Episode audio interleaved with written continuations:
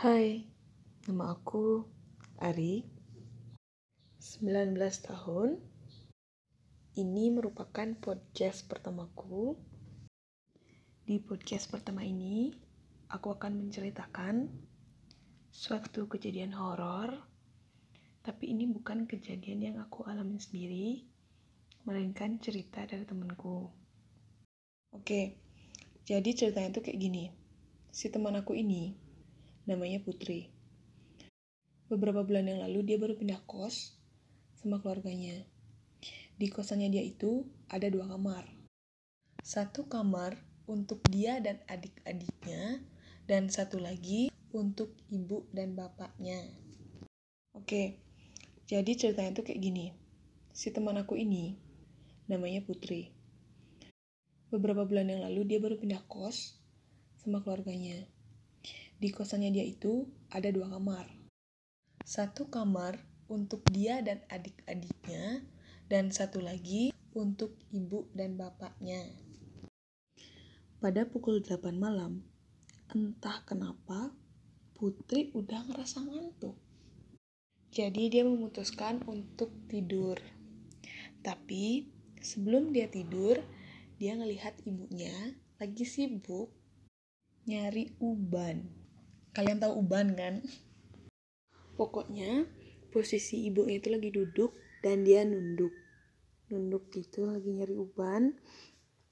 Terus uh, kalian pernah kan ngerasa tidur terlalu kecepetan terus tiba-tiba kebangun kalian kira udah pagi ternyata masih malam itulah yang dirasain Putri waktu kejadiannya itu dia kebangun gara-gara ibunya teriak dan masuk ke kamarnya dengan muka yang ketakutan. Wajahnya tuh agak pucet gitu. Terus dia duduk di sebelahnya Putri. Dengan kondisi setengah sadar, Putri nanya ke ibunya, Mama kenapa, Ma? Enggak dijawab sama ibunya. Tapi ibu itu masih ketakutan gitu. Jadi Putri memutuskan untuk nyuruh adiknya buat ngambilin mamanya minum. Setelah selesai minum air itu, mamanya terlihat cukup tenang, tapi masih ada mimik-mimik wajah ketakutan yang tercem yang terpap yang terlihat di wajah ibunya. Sekali lagi Putri nanya, "Mama kenapa, Ma?" Setelah menarik nafas panjang, akhirnya ibunya Putri mau bercerita tentang apa yang dilihatnya tadi sehingga membuat ia ketakutan. Jadi ceritanya tuh kayak gini. Mamanya Putri bilang, tadi kan mama nyari uban. Terus, karena mama capek nunduk dan kebetulan ada bunyi jeduk gitu di atas plafon, jadi mama refleks dong lihat ke atas dan tiba-tiba mama ngelihat tepat banget di depannya mama ada makhluk yang rambutnya keriting dan gede banget muncul di depan mama. Makanya mama teriak dan lari ke kamar kamu put. Dengan kondisi yang masih mengantuk, si putri ini berusaha menanggapi ibunya. Terus dia bilang kayak gini. Katanya mau berani, kok takut sama yang kayak gituan.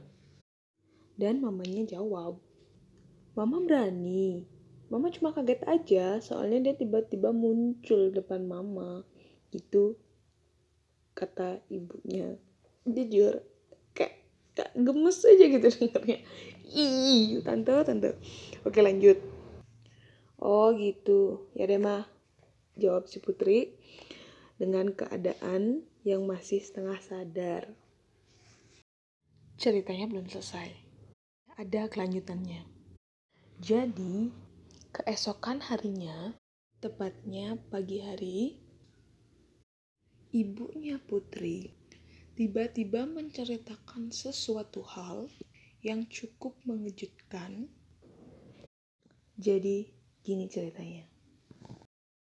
Putri sama keluarganya tinggal di gang nomor 2, berarti ada gang nomor 1, nomor 2, nomor 3, dan seterusnya. Nah, di gang nomor tiga ini, tepatnya di belakang, pojok, pokoknya rumah ada rumah paling ujung itu katanya penghuninya itu bisa berubah menjadi makhluk halus yang tujuannya itu biasanya tuh kayak nyakitin, gangguin, nakut-nakutin orang kayak gitu. Walau orang itu kayak walaupun orang hanya sekedar lewat atau mungkin um, emang dia itu punya target ke, kepada seseorang yang dia memiliki dendam pada orang tersebut dan dia ingin membalaskan dendamnya dengan cara ya kayak gitu kayak nakut-nakutin, ngeganggu, bahkan menyakiti. Dua hari setelah kejadian itu, Putri bercerita kepada beberapa temannya. Dari ketiga temannya tersebut, ada satu yang memberi peringatan kepada Putri untuk tetap waspada dan jaga-jaga agar makhluk tersebut tidak melihat wajahnya Putri. Karena kalau makhluk itu melihat wajahnya Putri, katanya itu berbahaya. Setelah mendengar peringatan tersebut, Putri jadi tambah takut. Parah. Oke. Okay. Uh, eh, dan tiga hari setelah dia bercerita ke temennya itu, pada pukul satu Putri lagi mengerjakan tugas yang ditemani oleh keponakannya. Namun, setelah dilihatnya, ternyata keponakannya sudah tertidur lelap di sampingnya. Karena masih sibuk mengerjakan tugas, Putri tetap berusaha untuk menahan dirinya agar tidak ngantuk. Setelah beberapa saat kemudian, tiba-tiba kusen jendela di kamarnya Putri ada yang menggaruk-garuk. Putri tetap berpikir positive thinking bahwa itu kerjaannya kucing. Kemudian, setelah kejadian garuk-garuk itu, tiba-tiba plafon kamar Putri, tepatnya di setiap sudutnya, ada bunyi jeduk, jeduk, jeduk di beberapa sudutnya. Karena sudah tidak bisa berpikir positif lagi, akhirnya Putri memutuskan untuk segera menutup laptopnya dan masuk ke dalam selimut. Dan dia berdoa kepada Tuhan agar tidak diganggu. Sampai akhirnya dia tertidur dan keesokan paginya bangun. Tapi dia belum berani bercerita kepada siapa pun karena dia takut malah melupakan namun dia makin mengingat kejadian tersebut secara detail. Dan sampai akhirnya aku memaksa untuk dia bercerita. Dan akhirnya dia bercerita, namun yang dirasakan sekarang uh, bukan yang bikin takut, tapi mungkin lega. Jadi segitu aja cerita podcast horor episode pertamaku. Semoga kalian terhibur, kalian senang, dan kalian ketagihan. Jadi tunggu podcastku yang selanjutnya. Bye bye.